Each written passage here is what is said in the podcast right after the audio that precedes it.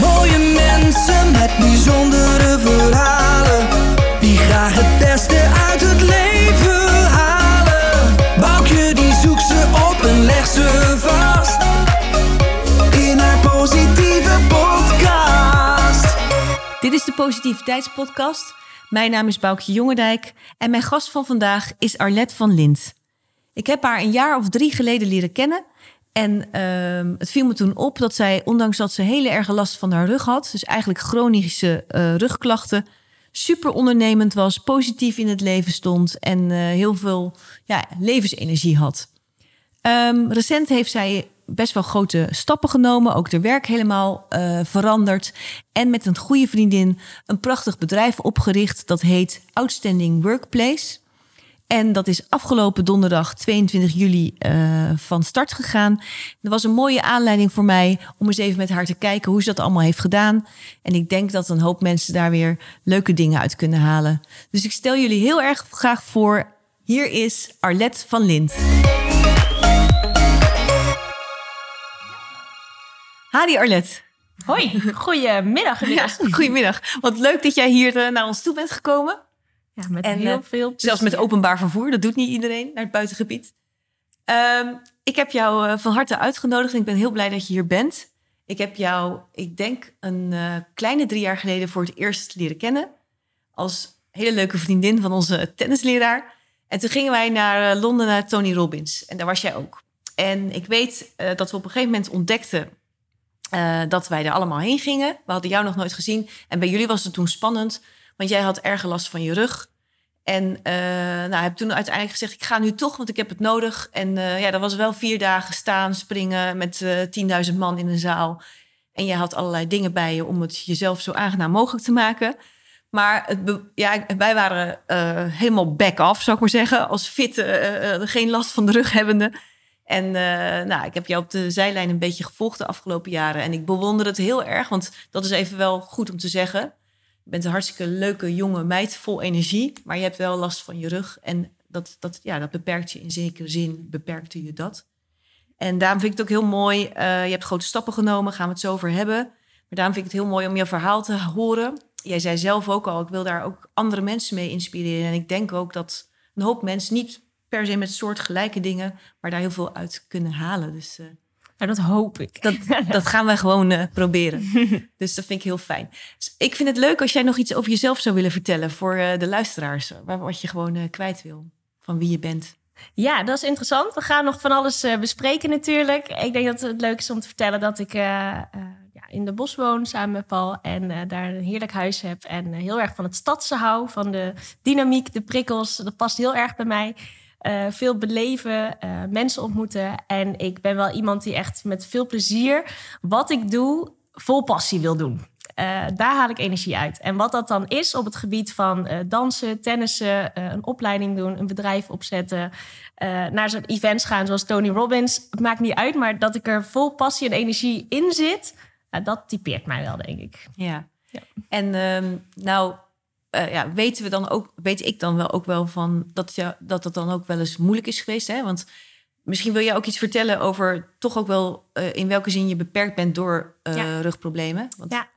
Ja, het is. ehm, eh, ik heb nu zes jaar lang chronische rugpijn. En die Mhm. rugpijn is nou, misschien wel eens een paar minuten weg geweest, maar nooit, nooit een dag zonder rugpijn kunnen leven. Mhm, Ehm, en dat is eh, begonnen toen ik eh, in het eerste jaar dat ik werkte. mhm. Ik, eh, ik, ik deed met veel plezier, maar een, een best wel ambitieus management traineeship. Dat deed ik bij Ormit, een fantastische organisatie. Eh, het zat- lag volledig bij mij, maar ik vond het moeilijk om nee te zeggen op de werkvloer. Trok veel verantwoordelijkheden naar me toe en maakte gewoon echt lange dagen eh, op mijn opdracht toen. En eh, wilde daarnaast elke dag sporten. Want ja, dat is ook heel erg wie ik ben. Ik ben echt een beweger. Mhm. Uh, maar dat totaalplaatje van zoveel werken en zoveel sporten... en eigenlijk alle signalen in je lichaam negeren... Mhm. uh, dat heeft mij echt in een neerwaartse spiraal gebracht toen de tijd. En ik had in eerste instantie zelf niet door hoe erg het op een gegeven moment was. Want je gaat, en misschien dat mensen dat herkennen, je, je kent vaak wel trucjes. Of ja, maar het is maar tijdelijk. Ja. Of eh, ja, maar ik kan ook eh, staan in plaats van zitten. Mhm. Oh, ik neem wel even paracetamolletje tegen de pijn. Nou, en zo ging het eigenlijk van kwaad Mhm. tot erger. Tot ik op een gegeven moment dacht, jeetje, alles wat ik doe, doe ik nu met rugpijn. Mhm. En toen ik op een gegeven moment ook s'nachts niet meer goed kon slapen van de pijn, toen dacht ik, dit gaat echt niet goed. Toen ben ik eindelijk met mijn coach gaan praten. Want ik had vanuit Oor met een hele fijne coach, Saskia. Saskia Braakman. En zij heeft mij echt geleerd om pas op de plaats te kunnen maken. Dus ik vertelde net over mijn energieke kant en Mhm, overal vol mhm. passie in. Maar dat je ook echt rust mag en kan nemen. En dat je echt ook accepteert wat er is. Alles accepteren, het is goed zoals het is. En vanuit daar eigenlijk met een bepaalde lichtheid weer verder. En dat heb ik toen in mijn, mijn werkende leven ook moeten doen. Ik ben toen op een gegeven moment volledig gestopt. Eh, en dat vond ik heel vervelend. Want eh, mijn hoofd wilde wel, maar mijn Mhm. lichaam niet meer. Mhm.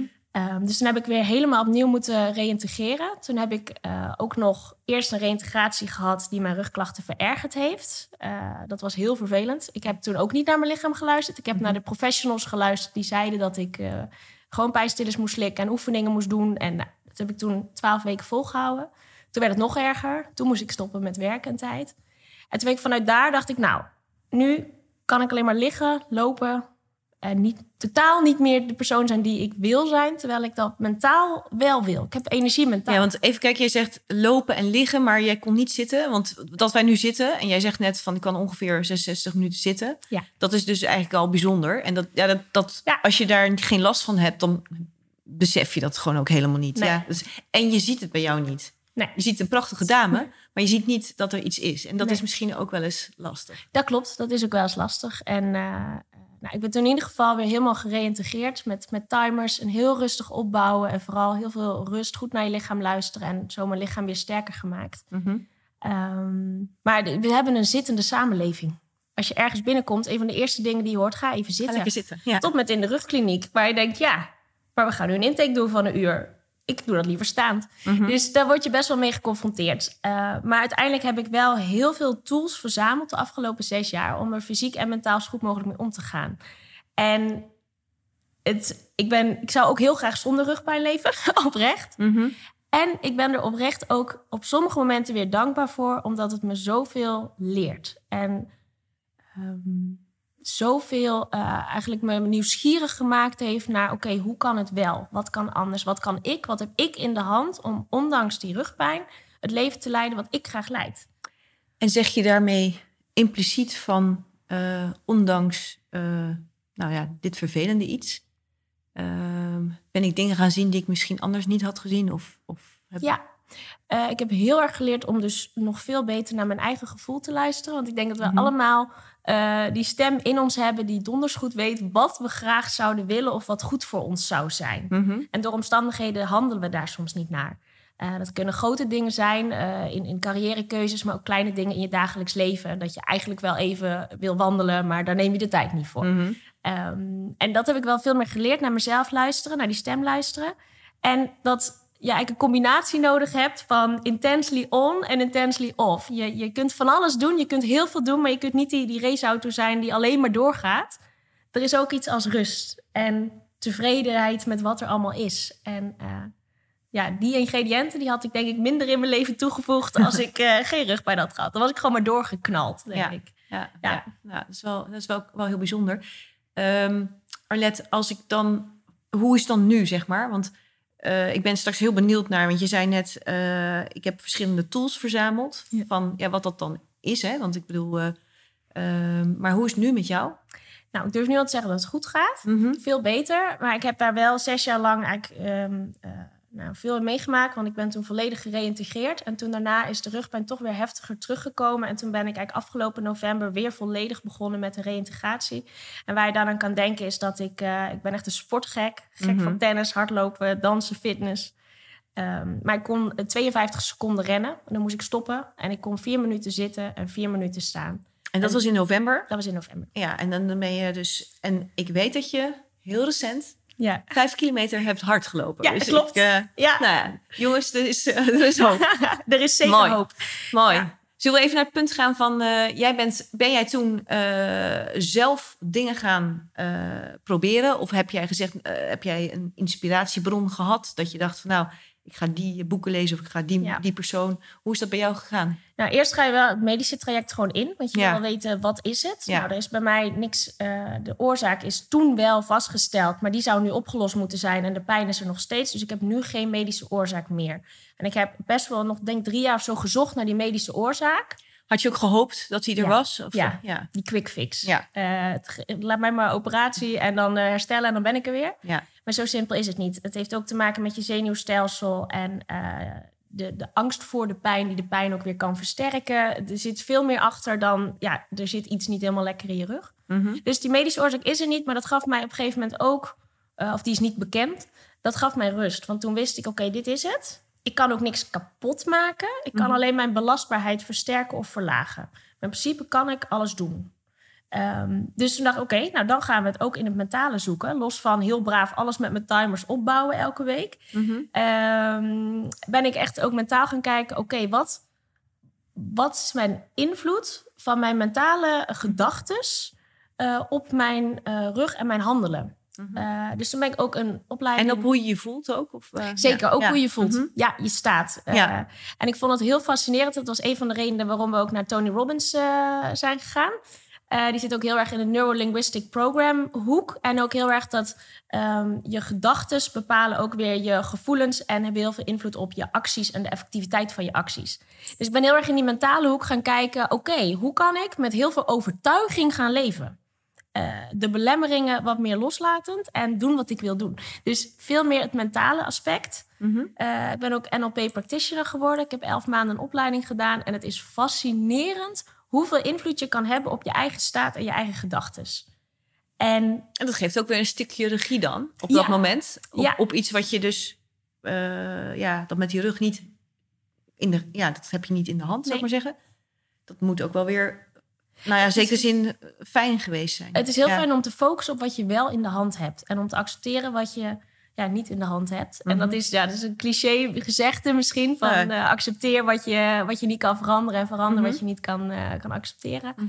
Ehm, maar zo is het wel echt. En het heeft me inderdaad kracht gegeven van... hé, hey, er zijn andere dingen die ik kan doen. Waardoor ik in ieder geval ik me minder in de weg zit. Ehm, dus die, de mentale kant was fantastisch. En bij Tony Robbins, die vier dagen...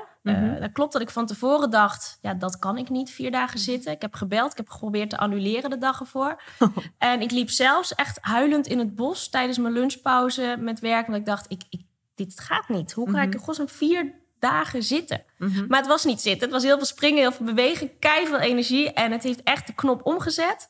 Eh, want daarna ben ik weer tennistoernooien gaan spelen. Ik heb de vierdaagse gelopen. Ik heb echt gedacht, ik kan zoveel meer als ik zelf maar geloof dat het kan. En zeg je dan ook misschien, eh, los van dat er natuurlijk wel iets met de rug is, dat ook je gedachten je kunnen belemmeren? Enorm. Ja. En ik denk dat dat voor iedereen is. Of je wel of geen pijn hebt. Als Mhm. je zelf eh, belemmerende gedachten hebt. Ik ben te jong, het is niet goed genoeg. nu niet. Mhm. Ik moet eerst nog dit en dan. Ja. Ja, dan onderneem je vaak geen actie. En dat is zo zonde. Ja. Ehm, ja dus dat klopt. Eens. ja, mooi. En toen ben je eigenlijk weer dingen gaan eh, ondernemen. Ja. En Ja. eh, En ook niet zomaar, want ik deed dan wel eh, elke ochtend bijvoorbeeld... ga ik eerst mediteren, echt Mhm. helemaal rust.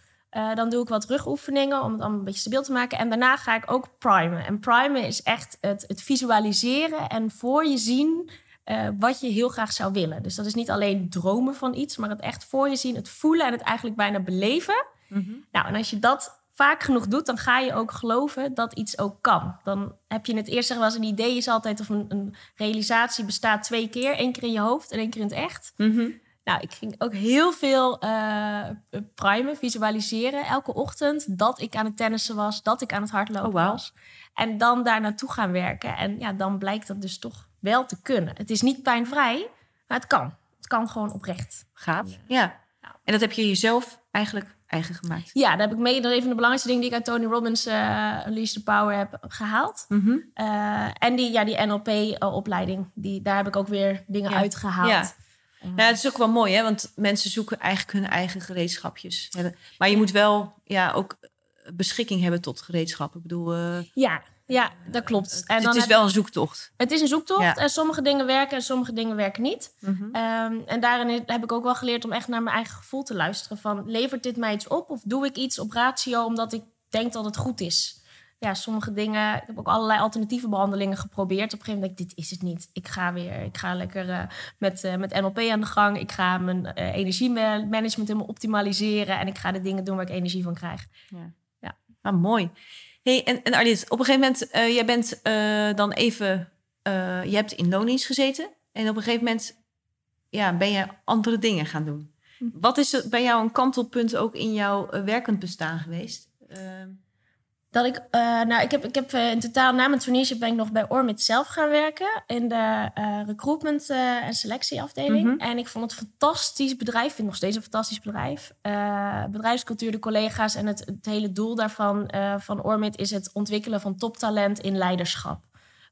mensgericht en, en inhoudsgedreven leiderschap. Mm -hmm. Ehm, en ik mocht ook trainingen geven binnen de recruitment tak. En ik merkte dat als ik een dag training mocht geven, dus het land in op universiteiten met masterstudenten aan de gang, ja, dat was geen werk. Dan zat ik echt een beetje te giechelen. Maar ik krijg hier dus voor betaald. Okay. Lekker te genieten. Ja. Helemaal fantastisch. Uh, en ik merkte dat ik dat heel gaaf vond, maar dat ik op een gegeven moment leegliep op uh, lange dagen, heel veel computerwerk en toch ook echt gewoon de harde recruitment kant. Dat paste uiteindelijk niet voldoende bij mij.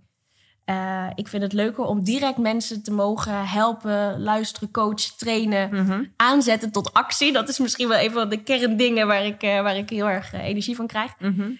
um, dus dacht ik, nou, dit is het uiteindelijk niet voor mij. In combinatie met mijn rug ja. heb ik meer zeggenschap nodig over hoe ik mijn werkende leven inricht. Uh, kom ik uit een ondernemersgezin. Mijn moeder heeft eigen winkel gehad. Mijn vader is ondernemer. Uh, mijn, uh, mijn vriend Paul is ondernemer. Dus ik, dat is voor mij dan toch een iets minder grote stap misschien. Maar ik dacht, ja, ik had wel lef nodig. Ik was aan het uitstellen om een baan op te zeggen. Ja. En ik heb toen een eendaagse retret gedaan. En uh, tijdens die retret dacht ik, waar en, en wat voor soort retrette? Een stilte retrette? Uh, nee, het was een, een pitstop uh, van Saskia ook. Oké. Okay. En die ging heel erg over terug naar de kern. Wat is belangrijk voor je en handel je daarnaar? Mm -hmm. En nou, daar heb ik dan over nagedacht en over gepraat. En ook gewoon een lange wandeling gemaakt. Dacht ik, ja, ik weet heel goed wat ik wil. Wat ik nodig heb is het lef om er naar te handelen. Mm -hmm. En ik weet ook wat ik nodig heb om op een duurzame manier gezond mijn werk te gaan doen. Dus toen op een gegeven moment toen, stond, ik, ja, stond ik met Saskia te praten. En toen zei ze letterlijk, ja, waar wacht je op? Nou, toen had ik geen antwoord. En toen heb ik besloten, oké, okay, ik ga uh, binnenkort mijn, mijn manager inlichten en het roer gaat om. Maar ook mooi van haar, want zij was daar ook coach. Dat ja. vind ik dan ook mooi. Ja, ja want, ze heeft mij daarin heel erg is wel bijzonder. geholpen. Zonder ja. mij ook maar iets op te leggen, maar mijn eigen inzicht te geven. En ik wist toen ook nog niet wat ik wel precies ging doen. Ik wist alleen dat ik uh, meer wilde bewegen in mijn werk. Dus het idee is uh, om Zumba-instructrice te gaan worden. Oh, wat leuk. Uh, dus lekker dansles geven, mensen letterlijk lekker laten bewegen, goed in hun vel laten zitten.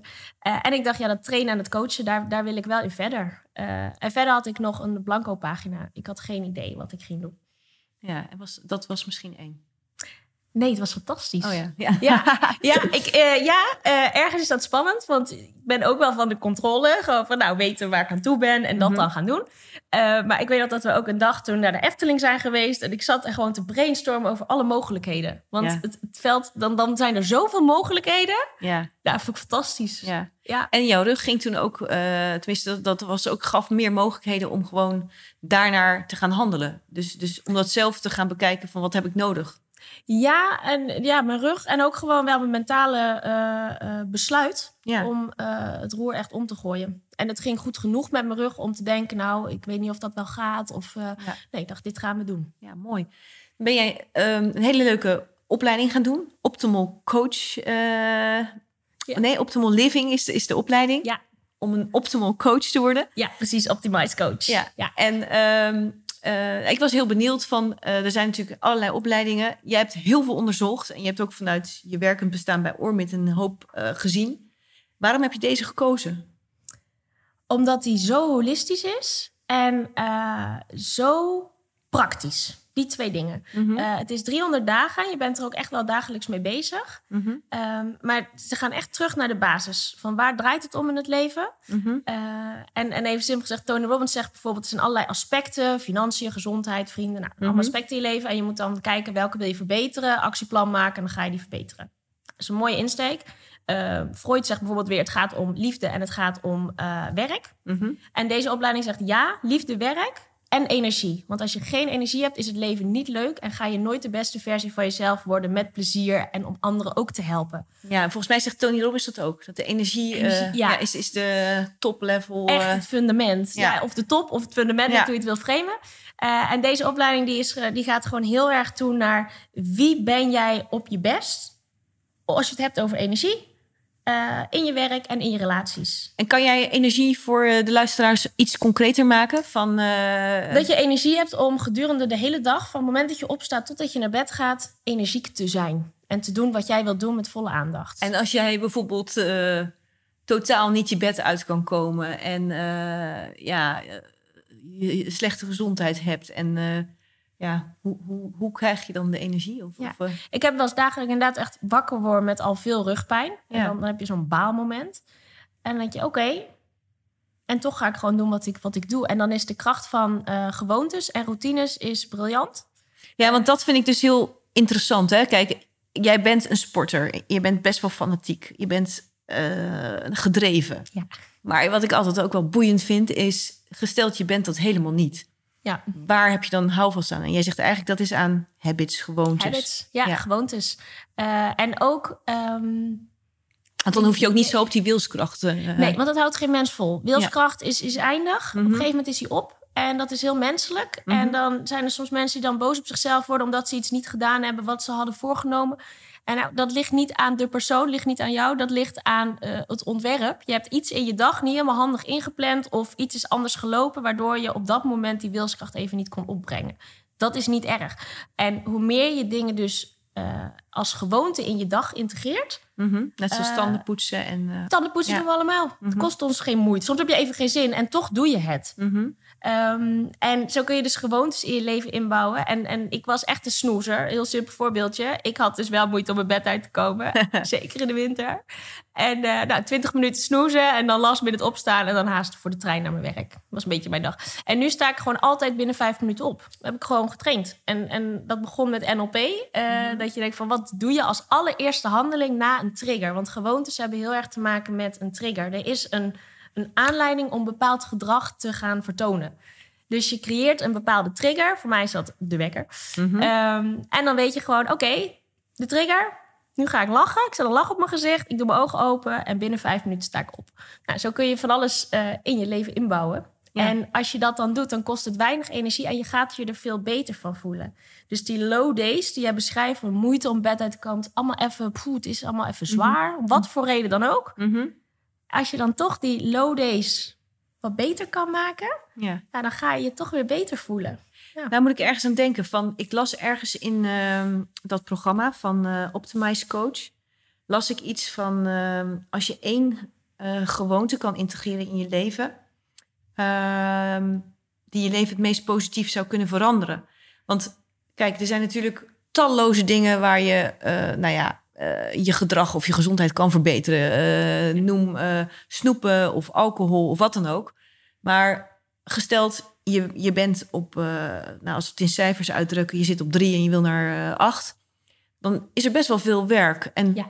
als ik dat las, dan dacht ik, oh ja, je moet dus eigenlijk moet je dan voor jezelf gaan nadenken, waar kan ik de meeste ehm, voordeel in gaan? Want je kan natuurlijk niet 15 habits gaan doen, althans ik niet, want dan Nee. wordt het gewoon te heftig en dan ga je ze ook niet meer doen en dan wordt het één grote frustratie. Ja. Maar bedoelen zij dan zoek er eentje die voor jou eh, nou ja, dusdanig belangrijk is? Of, of is het juist zo'n slechte gewoonte die je moet opzoeken waar je dan een goede tegenover moet zetten? Hoe zie je dat? Ja, interessant.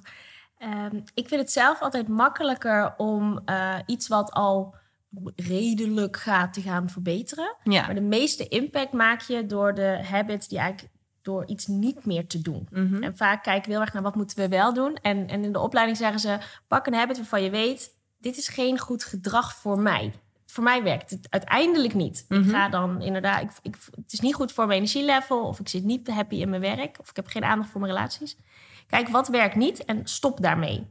En ik vind het heel mooi wat je net zegt, want zomaar stoppen met iets kan heel moeilijk zijn. Is heel moeilijk, ja. Mhm. Dus is het makkelijker om daar dan een positieve gewoonte tegenover te zetten. Dus wat de meeste impact die je kan maken, is door één ding te kiezen wat niet goed voor je is en die te vervangen door iets wat wel goed voor je is. En dat super klein te maken.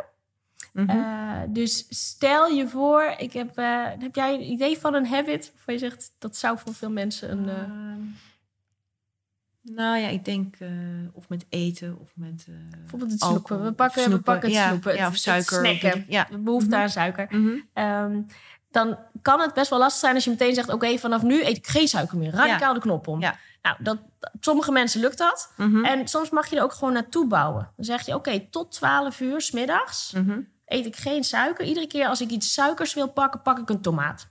Zeg maar Ja. iets. En ik ga dat dagelijks bijhouden tot 12 uur. En dan ben ik ook even trots op mezelf. En wat heel erg leuk is, en daar komt ook dat eh, emotie weer bij, is als het lukt om daar even bij stil te staan en te celebraten. En dan neem je een bonbon om het te vieren. Nee, maar, ja, dat is dan dus even niet de bedoeling. nee, nee, maar, Ehm, nee, maar dan... eh, ja, je moet dus eigenlijk ook wel bewust dan... eh, ook al is het zo klein, trots zijn. Ja. En jezelf Want dat je hersenen zijn geprogrammeerd op happy feelings. We zijn heel erg bezig als mens. Ons hoogste doel is denk ik ook om gelukkig te zijn. En Mhm. daarvoor mijden we dingen en daarvoor doen we dingen. Mhm. Ehm, dus als jij je hersenen kan trainen om heel blij te worden van die tomaat, dan wil jij volgende keer gewoon die tomaat. Dan heb je die hele omweg van, nou, geen snoep, wel een tomaat, heb je helemaal niet meer nodig. Nee. Je wordt blij van die tomaat. Nou, zo kun je dus hele kleine gewoontes gaan integreren.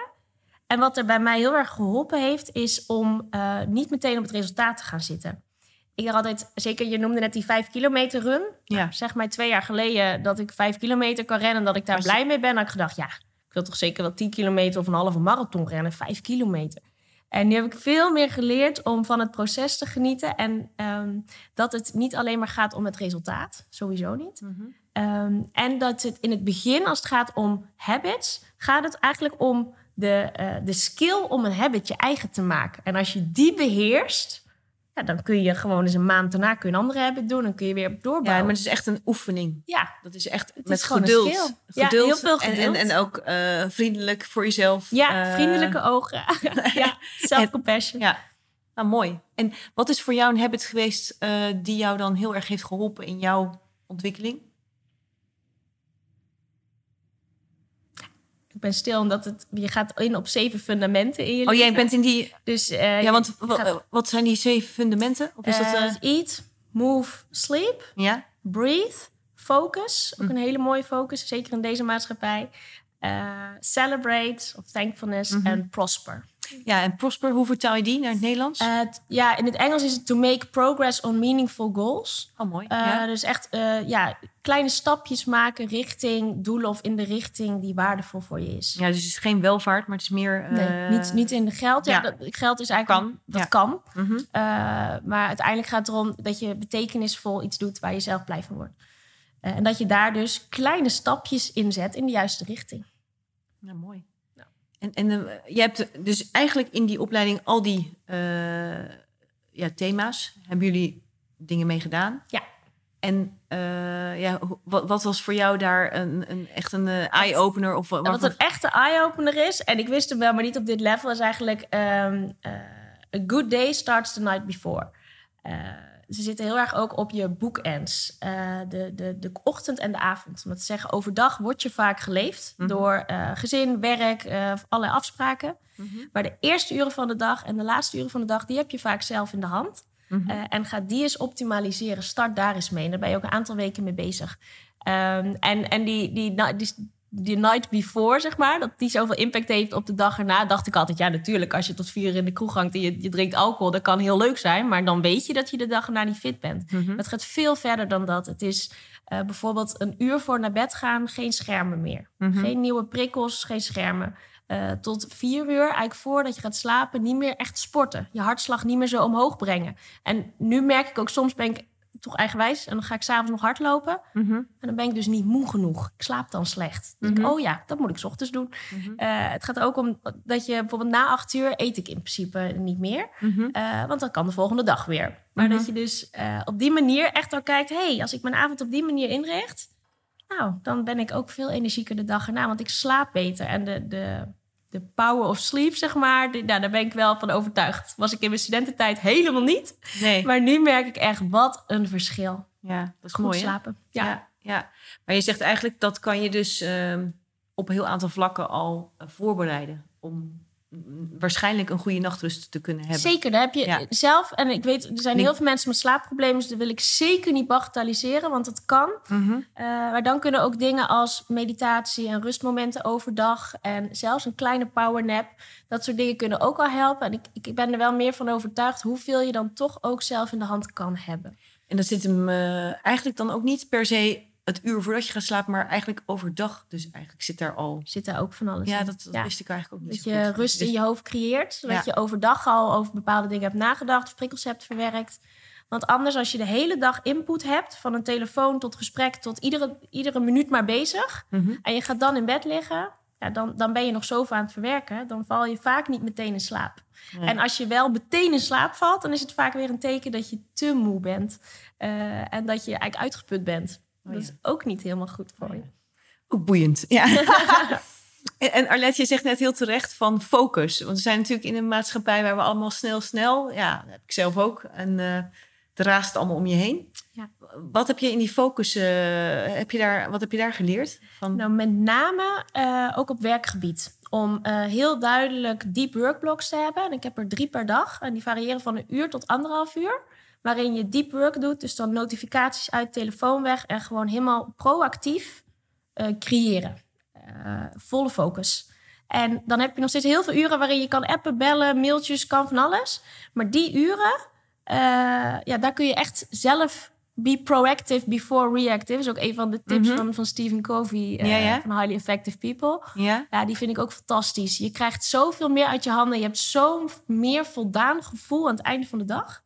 Ja, en er zit dan ook waarschijnlijk een stuk planning bij. Dat je van Zeker. tevoren goed bepaalt van wat zijn dan Ja. die... eh, waar ga ik die drie blokken voor gebruiken? Ja. Die blokken zijn ongeveer drie kwartier, eh, Na een, uur, tot Ja. anderhalf uur. Dat is eigenlijk de maximale focuscapaciteit van onze hersenen. En daarna is het ook echt goed om een kwartier tot twintig minuten pauze te nemen. En echt even compleet af te schakelen. En dan niet pauze nemen door je WhatsApp bij te werken. Maar pauze door even echt ja, weinig prikkels. Kan gewoon even rustig een kopje koffie, een kletspraatje. Een, eh, maar gewoon even uit het werk. En ik doe vaak die planning, die haal je heel terecht aan. En dat is, dat is een van de key habits waarmee ik nu weer, eh, die ik weer even wil opfrissen. Maar iedere avond rond 9 uur de shutdown complete. Waarin je even duidelijk je planning maakt voor de volgende dag. En dan ook al weet wat je wil gaan doen. Zodat je de volgende dag alweer met meer energie opstaat. Omdat je zo je energie kan focussen op... oh ja, vandaag ga ik dit, dit en dit doen. Ja.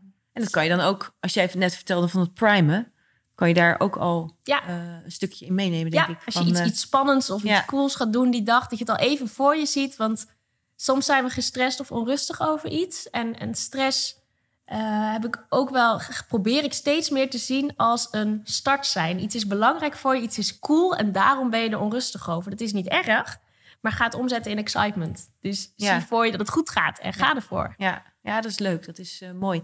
En, en van die eh, dingen zelf, even kijken. eh, Ik weet nou niet of we dat nou hadden gezegd. Ik zei tegen jou van welke vond je zelf heel belangrijk, maar dat was vooral de kleine stapjes naar grotere doelen.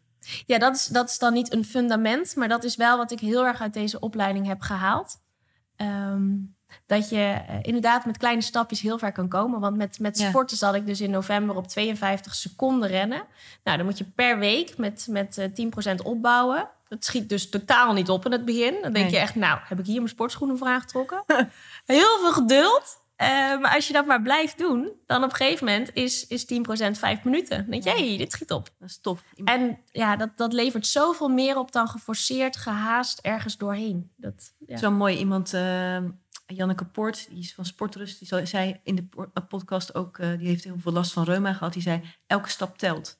Die heeft dus ook, eigenlijk wat jij ook gezegd, eerst niet de bank af kunnen komen. Maar Ja. die is nu gewoon, eh, die loopt eh, marathons. Het is bizar, van eh, helemaal niks. En, maar, maar het is ook niet zo erg als je denkt, elke stap telt. Dan ben je ook, ja, al loop je een klein rondje, is het ook gewoon Ja. prima. En dat maakt Ja. het ook gewoon wel, maakt het ook leuk. Zeker, en dat is ook met, die, met überhaupt nieuwe gewoontes creëren. Als je het klein maakt en je bent oprecht even trots of blij met dat kleine stapje... Ja, Ja, dan is het ook goed. Als je dat oordeel er lekker aflaat, dan Ja. ben je in de goede richting bezig. En dat is eigenlijk het enige waar het om gaat. Dat je in de goede richting bezig bent. En nou ben jij ook daar coach in. Dus help jij mensen dan met deze eh, fundamenten? Of, of eh, hoe moeten Ja. we dat zien? Ik wil heel graag daar ook nog meer echt een professioneel coach in, eh, in worden. Mhm. Op dit moment heb ik mijn opleiding net afgerond. Dus nu maak ik de stap en bieden we ook vanuit ons eigen bedrijf ook coaching aan. Ook op dit vlak. Ehm, dus ja, ik wil heel graag mensen hierbij helpen. En we hebben ook, eh, los van dat je zelf eh, heel erg hiermee aan de gang gaat, zit er ook een deel in de opleiding van ja, hoe coach je mensen hier? Waar begin je mee? Want het is zo breed als je kijkt naar, oké, identiteitsmanagement. Wie ben je in je beste versie op werk, relaties en energie? Oké, nou wat zijn dan waarden die daarbij horen? welk gedrag hoort daarbij? En hoe ga je dat gedrag dan in je leven tonen? En hoe zorg je ook weer voor een balans tussen dat wel aanpakken en daarvoor gaan? En de rust bewaren en soms ook even vlieren fluiten. Even niet. Eh, dus nou, dat zijn hele interessante dingen. En daar heb ik ook tools voor gekregen om daar mensen ook echt bij te helpen. Ja, want die identiteit, daar begint natuurlijk ook een groot deel ja. van. Want dat zegt ook van waar wil jij heen? Ja. En, en, wat, wie ben jij en wat ga je doen en, en hoe ga je dat doen? Ja, en het leuke is ook dat als je dat helder voor ogen hebt, dan ga je er ook makkelijker naar handelen. Want zeker als het gaat om, om je gedrag, dan is het ook wel vaker dat we eerst een bepaald gevoel hebben. Je voelt je goed en je doet iets, of je voelt je niet goed en je doet iets niet. Mhm. Dus dan heb je eh, eigenlijk gevoelens die leiden tot bepaalde acties en dat maakt tot wie je bent. Maar je zou hem ook, als je hem om, kan draaien, is veel sterker. Mhm. Je weet heel erg waar je voor staat, wat je graag doet, wat je wil.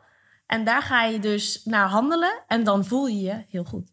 Ja, en dat maakt het ook wel makkelijk. Ehm, want we hebben natuurlijk ook wel vaak in deze uh, maatschappij, zeg ik maar even heel uh, groot, keuzestress. Ja, ik oh, die herken ik wel hoor. Ik, nee, maar ja, ik ook. maar ik vind het altijd wel mooi als je dan teruggaat naar waar stond je ook weer voor. Of dat kan ook in je bedrijf zijn van uh, wat, wat, ja, of je kernwaarde of hoe je het wil noemen, maakt niet uit. Maar dan zijn beslissingen ook makkelijker. Ja. Want dan zeg je gewoon, joh, ik weet het even niet, maar past het een beetje bij wat ik voor ogen had? Of met mijn bedrijf, of bij wie ik ben, of wat ik wilde doen? Ja.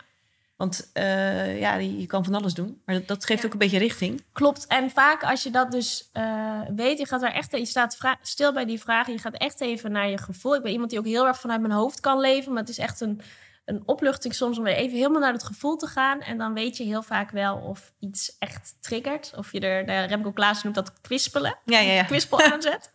uh, of dat het, uh, dat het eigenlijk wat zwaarder voelt. En, ja, ja nou, nou zeg jij mooi van uh, ik zit veel in mijn hoofd en ga ik naar mijn gevoel. Dat is denk ik voor een hoop mensen herkenbaar. Hoe ga jij naar je gevoel? Nou, soms dus met die, met die grote events, zoals het Tony mhm. Robbins, maar ook die eendaagse retret uh, bij Saskia, die zorgde er echt voor dat ik helemaal vanuit mijn gevoel de keuze maakte. Ik ga het anders doen in mijn werk. Uh, maar ook het mediteren. Gewoon elke ochtend ga ik elf minuutjes mediteren. Um, dat is ook wel een van mijn keystone habits. Heerlijk mhm. aan het begin van de dag. Uh, en soms moet ik wel zeggen, moet ik echt wel even... Oké, nu ga je op die mat. Maar als ik eenmaal lig, is het zo fijn. En mhm. dan kom je ook weer even bij je gevoel. Ja. ja. dus je kan het ook heel simpel thuis doen. Door... Dat kan al als je gewoon, als je zit. Je hebt ook de, de, ankeren. Het, één keer rustig, diep ademhalen. Iets langer uitademen dan inademen. En je hebt dan een switch aangezet. Het kan, kan in, tien, in, in 20 seconden. Ja, we moeten wel ja, je, je dat bewust zijn. En ja, en het dan tijd voor doen. Nemen. Ja. En niet, dat doe ik straks wel. nee. Um, weet het, jij hebt ook uh, een heel gaaf filmpje op uh, YouTube gezet met uh, tien eigenlijk lessen die jij uit deze opleiding hebt gehaald. Wil je daar nog iets over vertellen? Ik vond het eigenlijk wel gaaf. Van, ja, dat vind ik leuk. Ja, het was, een, het was de eindopdracht ook van de opleiding. Wat zijn nou de tien ideeën die jij eruit meeneemt? Want dat zijn, voor mijn idee, dat heb jij gewoon zo eruit gehaald. Ja. Dus dat is voor elke student daar iets, iets anders. Ja. en ik heb het in de vorm van een berg gegoten, mhm. waarbij je de top nooit helemaal gaat bereiken. En dat is denk ik wel een van de dingen die ik uit deze opleiding haal.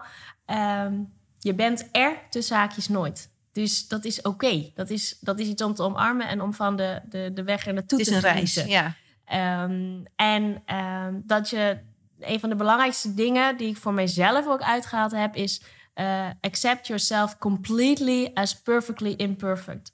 Uh, als je altijd het optimaliseren bent, zijn we soms geneigd om naar die perfectie te streven. Ja, want dat zit ook een beetje in de naam van de opleiding. Ja, van, optimize. Ja, ja, nee, ja van, maar dat, dat, is wel heel leuk wat je, dat je dat zegt. Dat, dat heb ik hetzelfde als bij uh, positiviteit, waar deze podcast. Dan denk je alleen maar aan dat moet dan. Uh, dat moet dan maar het kan juist ook imperfect zijn. Ja. Dat is juist wel mooi. En als je dat volledig accepteert, dan heb je weer whole, ja, wholeness. En dat is eigenlijk weer perfect. Want dan is het, het totaalplaatje is omarmd. En dat is, dat is helemaal goed. Uh, en die self-compassion, die heb ik ook echt uitgehaald. Lief voor jezelf zijn. You're only human. En dan ook uh, mindfulness soms gebruiken als je misschien wat streng bent voor jezelf. Uh, dat je denkt, oh wacht even, wat voel ik nu voor gevoel? Oh, nou, ik ben een beetje streng. Nou, laat ik dat maar niet doen. En dan kan het weer opzij. Dus dat is wel een beetje overkoepelend. Is dat iets wat ik er voor mezelf ook wel echt uitgehaald heb. En wat ik verder gewoon fantastisch vind is in die tien ideeën... is dat het echt van heel groot naar heel praktisch en heel klein gaat. Dus eerst is eigenlijk van wat is het doel in het leven? Nou, je zou kunnen zeggen dat is eudaimonology. Uh, dat is being a good soul. En dat wil eigenlijk zijn dat je leeft met virtue. Dat je naar je waarde leeft. Nou, het liefst zijn dat dan fijne waarden voor de mensen om je heen ook. Maar je leeft naar je waarden. Ja. Uh, en je hebt ook helder voor ogen wat die kernwaarden voor jou zijn. En dan vervolgens ga je dus. Maar dat ga je eerst, sorry dat ik je onderbreek, maar dat ga je eerst allemaal zelf uitvogelen. Ja. Want dat zal voor iedereen net anders zijn. Ja. Jij zegt heel terecht van het is prachtig als je uh, waarden hebt die dan ook nog een ander goed doen. Maar uh, het zijn in principe je eigen waarden. Zeker. ja. Ja, en ik heb daar ook wel, daar, ja, ik denk dat ik er sowieso twee jaar mee bezig ben geweest, sowieso, om tot een eerste set van kernwaarden te komen. Uh, via trainingen en via coaching. En, um... Maar dat is eigenlijk ook een stukje identiteit. En daar hadden we het net over. Ik denk, als je daar gewoon de tijd voor neemt, als je die eenmaal hebt voor jezelf. Ja.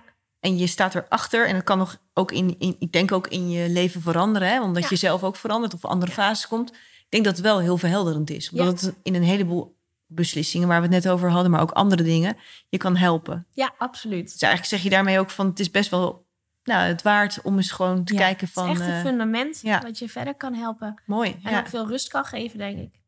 Um, en ja, en, en s ochtends tijdens meditatie, dan haal ik die ook even voor de geest. Dan denk ik, oh ja, mijn kernwaarden. En dan weer, oh ja, nou daar ga ik dus naar leven vandaag. Um, dus en, en dan ja, toch ook echt dat stuk energiemanagement. Uh, met die zeven pijlers die we noemden. Uh, ja, weet je, dat kan niet allemaal tegelijk. Uh, daar, en dat, daar blijf je ook weer in, in focussen van... oh, nu is deze habit een beetje verslapt. Oh, nu wil ik hier weer op focussen. Dus niet alles tegelijk. Maar, maar daar zeg je ook al, dat vind ik ook wel leuk wat je net zei. Daar hoef je dus ook helemaal niet... het hoeft niet zo rigide, niet zo streng. Nee. Naar jezelf ook niet. Uh, nee. Anders is het ook allemaal niet te Zou doen. je het niet vol? Dan nee. doe je dat misschien heel lang... en op een gegeven moment gooi je waarschijnlijk van alles overboord... als ja, een soort dieet of zo. Ja, dan ben je het zat. Ja, ja. Dus dat, dat werkt niet. Uh, maar dan, uh, nou, als je daar wel bewust mee bezig bent... Hey, welke keuzes maken en wat is de impact daarvan op mijn energielevel... Uh, en je merkt dat je vaker uitgerust wakker wordt en met energie door de dag gaat. En dat je niet van suiker naar koffie naar, oh, ik mag eindelijk naar bed. Maar dat je mm -hmm. dat anders ervaart, dan geeft het, ja, dat heeft mij heel veel gegeven. Um, en dan zit er ook uh, het stukje, uh, ja, die incremental growth. Dus die kleine habits en daar blij mee zijn. En dan kijk, oké, okay, een masterpiece day.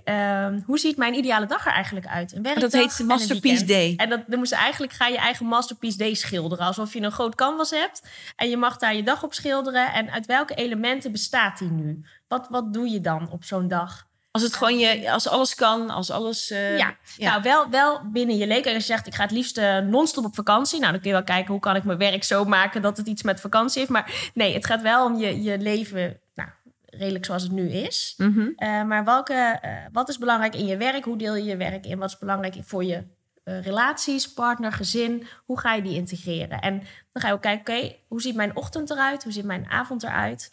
Ja, dan komt weer dat stukje planning. Dan komt toch ook Ik vind het wel mooi, want eigenlijk in jouw verhaal, als je het gewoon heel klein maakt, dat, dat vind ik heel fijn altijd, als het simpel is voor mensen en, en ook voor mezelf en voor iedereen.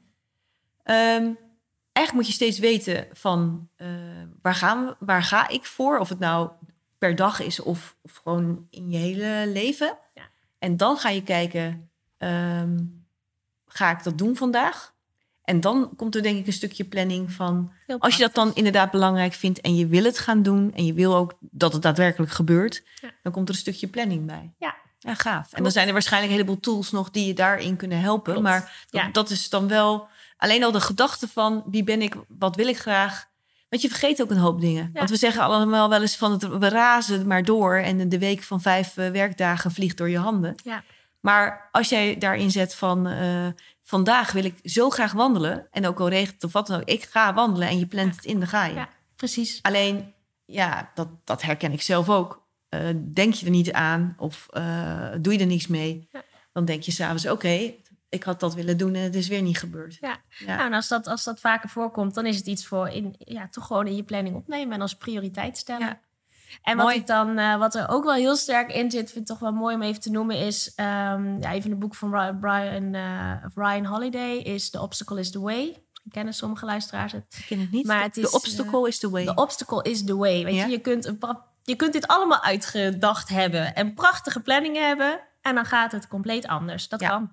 En vaak En- is dat ook zo. Ja, Eh, en dat is ook oké. En dat blijkt ook uit, eh, ja, er is ook een boek dat heet ehm, Rethinking Positive Thinking.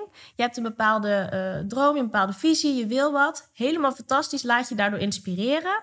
En rub it against reality. Eh, want er zijn gewoon in realiteit dingen die het lastiger maken. En in plaats van daarvan te schrikken of te denken, ja, maar dit had ik niet zo gepland. Mhm. Leven valt niet te plannen is het heel mooi om te kijken: oké, hey, challenge, obstacle, oké. Nou, om dat positief te framen, je ziet mij ook al in mijn handen wrijven Ja. en een lach komen van: oké, dit is het moment. Nu word ik gechallenged, dit is leuk, dit is gaaf. Hoewel. En als je met die mindset naar obstakels gaat kijken, eh, dan is het ook veel makkelijker om ermee om te gaan. Ja, dan kan je ook iets uithalen. Kun je dus En eigenlijk is, heb je dat zelf ook heel vaak ervaren. Ja, nee, maar ik Ja. bedoel, dat is natuurlijk begonnen uit een. Kan me ook voorstellen, een frustratie dat je jong bent en je hebt last van je rug en Ja. je kan niet zitten. Maar als je dan nu kijkt, dan denk ik van. eh, ja, als jij dat zo stoer kan doen. Kijk, het is natuurlijk wel. We, we hebben nu makkelijk gesprekken. Ik bedoel, het is niet zo dat mensen nu denken: oh, dat doe je even. Want dat, dat is gewoon niet zo. Nee, je doet maar, het niet even. dat, maar dat het, je kan. doet- het kan. En dat je het, ehm, ja, dat het gewoon mogelijk is, dat vind ik gaaf. En dan kan die obstacle, ehm, dat ze- ehm, kan dus ook wel gewoon nog hele, heel veel waarde creëren voor je eigen leven. Ja, je kunt het ook wel, ik vind het ook wel leuk, die noemen ze in de opleiding dat een growth cookie. Een Eh, growth het is cookie. eigenlijk een koekje wat je eet en je groeit ervan. Eh, uiteindelijk, weet je, als je altijd maar in je comfortzone blijft en alles voelt allemaal heel gemakkelijk. Nou, voor sommige mensen werkt dat fantastisch en Mhm. weet je, dan helemaal goed. En ik ben iemand die het leuk vindt om ook weer grenzen te verleggen en eh, op die manier nieuwe doelen te creëren. Ehm, en dan moet je uit je comfortzone. Ja. Eh, en dat, dat is spannend. En Ja. nou, dat is niet altijd makkelijk. En dan ga je weer kijken hoe wel. En ehm, er zit ook wel iets... Een van de kerndingen die me heel erg inspireert en helpt is hoop. Oh ja. En hoop is niet alleen maar hopen dat iets beter wordt. Maar als je En dan kijkt, gaan afwachten, bedoel je dat? Ja. Ja. Dat werkt dus niet. En Nee. dat blijkt ook uit die rethinking positive eh, eh, thinking. Mhm. Eh, als je alleen maar droomt, word je daar uiteindelijk niet gelukkig van. Want dan ga je niet tot actie over. Dan blijft het een abstracte droom. En realiseer je juist vooral dat het niet zo is in het echt. Nee, ga je, ga je- ga je inactief Ja. afwachten. Maar als je die gap kan closen, zeg maar, tussen het het gat kan dichten tussen wat je graag zou willen en, en waar je nu staat. Dan moet je dus omgaan met realiteit, met obstakels. Eh, en dat is helemaal oké. En dan zijn er eigenlijk nog twee aspecten aan hoop, los van die visie, die belangrijk zijn. En dat is ehm, eh, het, de bereidheid om multiple pathways, dus verschillende paden te gaan proberen om tot die Mhm. tot die droom te komen. Want het eerste pad zal mogelijk niet werken. En de tweede misschien ook niet, maar de derde misschien wel. En dat je de wilskracht hebt om er ook echt voor te gaan. Ja, en dat, en dat je dan toch ook op die klassieke uitleg, zou ik maar zeggen, van hoop. Dat, ik zeg nu gekke. Maar dat je dus wel eh, het vertrouwen hebt, of hoe noem je dat? Dat het eh, gaat lukken of dat je in ieder geval vooruit blijft Ja. gaan. Dus Ja. dat je niet opgeeft en denkt van nou. ehm, Zeker, de, de kern van hoop is wel inderdaad dat je een heel sterk eh, geloof hebt dat de toekomst beter zal zijn dan je huidige situatie. En dat je multiple pathways, meerdere opties hebt om dat te gaan realiseren. Dat geeft ook een bepaalde vrijheid. mhm. Eh, en de wilskracht om die ook te gaan Dat ondernemen. is mooi. Ja. En ehm, volgens mij zegt Leo Bormans iets in de zin van hoop is eh, optimisme met opgestroopte mouwen. Ja, en dat opgestroopte is mouwen is, Ja. dan, ik weet niet of ik hem precies goed zeg, maar dat opgestroopte mouwen, dat eh, is wat jij eigenlijk zegt, dat je in actie moet komen. En dat je Oh. dan. eh, Optimisme met opgestroopte ja, zoiets. Ik zal, ik zal, onthouden. ik zal het even checken, maar eh, eh, het is wel heel leuk.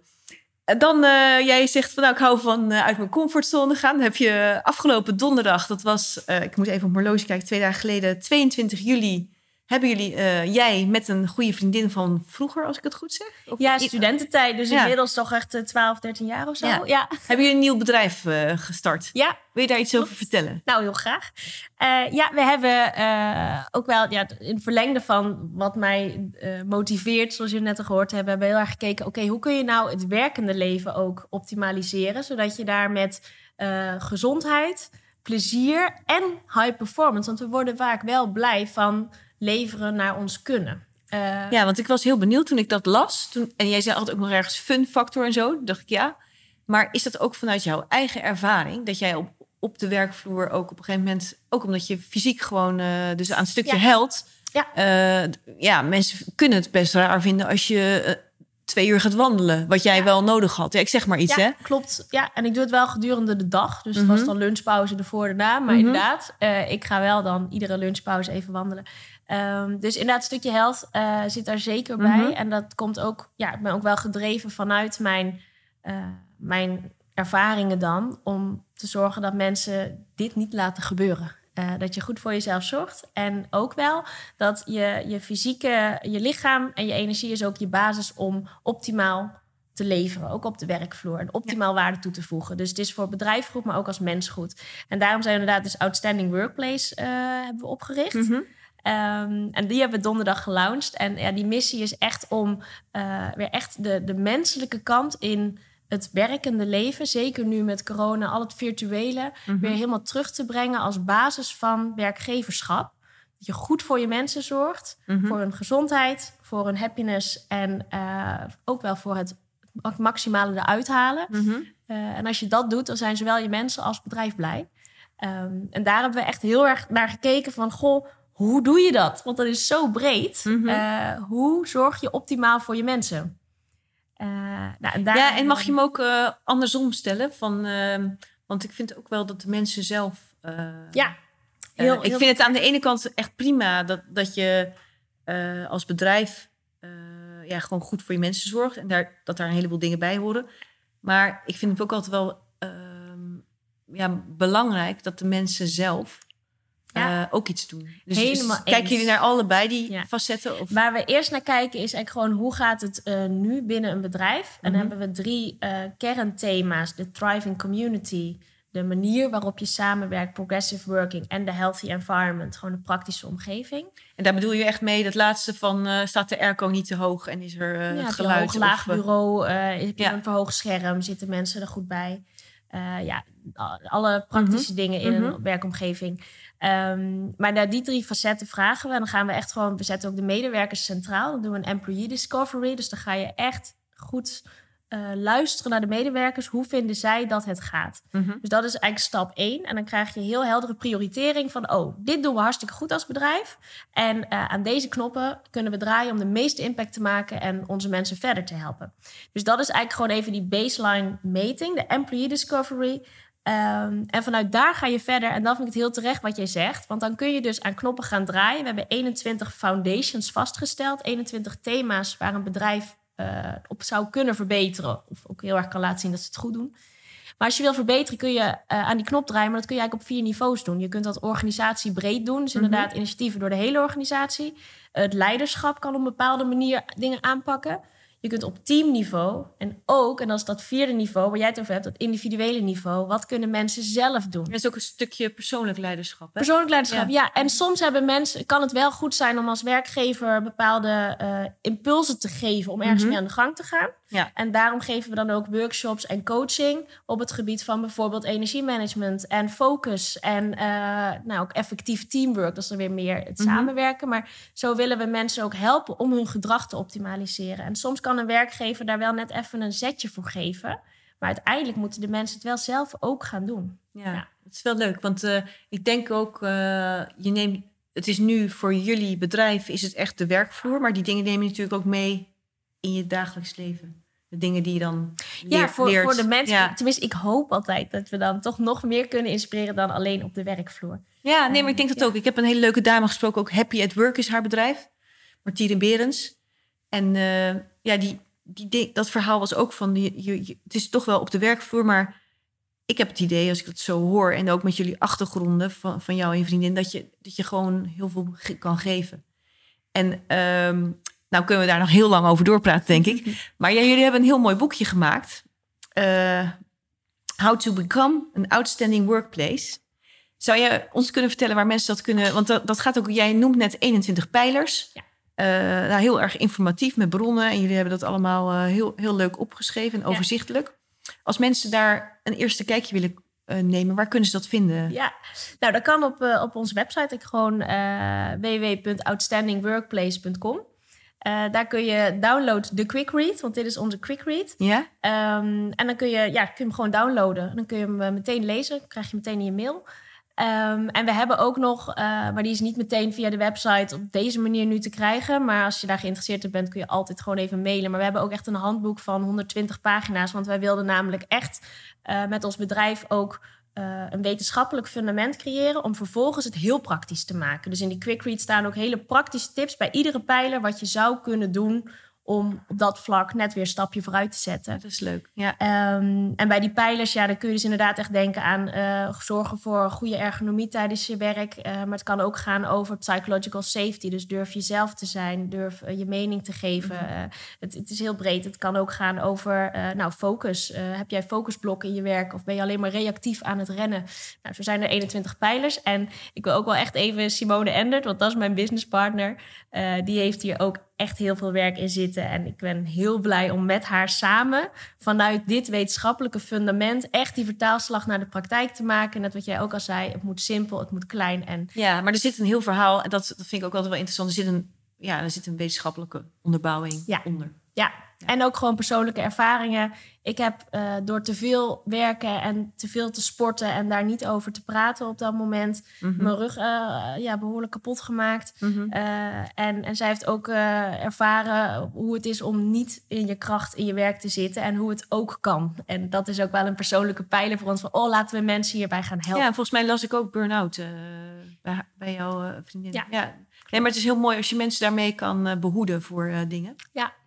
Um, dus, en jullie geven volgens mij trainingen. Je kan, uh, bij jullie kan je dus zo'n zo scan. Ja, de Employee Discovery. Ja, ja. ja, die kun je afnemen. Dat is dan een achtweekse traject. Waarbij we dus echt, ja, we willen echt een belevenis van maken. Het moet ook wel gaaf zijn als medewerker om hier aan mee te doen. Ja. En dan doen we drie scans met allerlei vragen. Uh, en doen we ook bepaalde sessies met het bedrijf. Um, en dan uh, daarna is het dan ook echt van, nou, willen jullie verder? Nou, dan willen wij jullie daar heel graag bij helpen. En dan komt het stukje consultancy, het faciliteren van sessies, om ook bijvoorbeeld weer ideeën van de medewerkers naar boven te halen. Wat is in hun ogen nou een goede oplossing? Uh, en ook de, de training en de coachings, eigenlijk op al die. ja, mooi. Die, dat is heel leuk. Um, Arlette, heb jij zelf nog dingen die je kwijt wil. Want volgens mij heb je al heel veel verteld om mensen ook nou, te inspireren. En is er nog iets wat wij missen? Ik weet nog wel één ding wat we missen. Ik Oh, vraag iemand altijd naar zijn tegeltjeswijsheid. Oh ja. En, Ja. en jij hebt mij verteld van, en dat vond ik echt leuk. De wereld is zo mooi als jij hem ziet. Ja. En waarom heb je deze gekozen? Ja, die is denk ik heel tekenend eh, voor de afgelopen zes jaar, de realisatie. Eh, er zijn dagen dat je je misschien niet goed voelt. Of dat er zaken in je omgeving zijn die niet prettig zijn. We hebben allemaal dingen die ons soms verdrietig maken of boos of geïrriteerd. En dat mag er zijn. En, en zelfs dan kun je of naar de wereld kijken met een grote donderwolk boven je hoofd. Of je kunt zeggen, oké, dit is er, dit is naar. En er is zoveel meer. En dat je dan weer gaat focussen op de dingen die er wel zijn. En dankbaar bent voor wat er is. En dan zie je opeens weer dat spelende kind en hoor je de vogels fluiten. En dan denk je, oh ja, de wereld is zo mooi als jij hem ziet. Je je, de, hoe je de wereld ervaart, is eigenlijk een reflectie van je innerlijke wereld. En als je daar een stukje rust hebt en je gaat weer vanuit het dankbaarheid en positiviteit naar de wereld kijken, dan is die eigenlijk altijd weer mooi. Prachtig. En het is dus ook mindset. En is heel erg ook mindset. Ja, ja. Ja. heel mooi. Dankjewel. Hebben wij nog iets wat, je, wat, wat gemist hebben? Waarvan je zegt van... eh, Nee, volgens mij Nee? niet. Ik, eh, Nee. ja, je kunt, je, je kunt We kunnen volgens mij nog uren doorgaan. Doorkletsen, maar, we heb- gaan zo ook heb, lekker eens eh, even staan en bewegen. ja, precies. Nee, ik heb heel veel moois mogen delen. Dus echt Ja. heel erg bedankt. Ja, jij ook. Superleuk. Wil jij nog even tenslotte jullie website noemen? Van, eh, Ja. www.outstandingworkplace.com Beste luisteraars, fijn dat jullie er weer waren. En beste Arlette, heel fijn dat jij mijn gast vandaag kon zijn en jouw verhaal hebt gedaan voor deze podcast. Ehm, wil je meer weten over het bedrijf wat Arlette met haar eh, collega recent heeft opgericht? Ga dan naar de website www.outstandingworkplace.com. Daar kan je meer over eh, vinden wat ze allemaal doen. En eh, nou, ik heb zelf ook een hoop aan deze podcast gehad. Ik ga de komende tijd proberen met die mooie blokken te werken om meer focus op mijn werk te hebben. En ik denk dat het ook voor andere dingen heel erg leuk is. Dus ik vind het tof, Arlette, dat je ons weer een aantal eh, mooie nieuwe tools hebt gegeven. En ik denk dat jij nog een hele gereedschapskist vol voor ons hebt. Maar dat misschien op een later moment. Ook een prachtige spreuk. De wereld is zo mooi als jij hem ziet. Dus dat maakt het ook eigenlijk uh, ja, een uitdaging om elke dag er iets moois van te maken. Wat de omstandigheden ook zijn. Hartelijk bedankt nogmaals. Graag tot over twee weken. En heb een hele fijne dag. Tot ziens.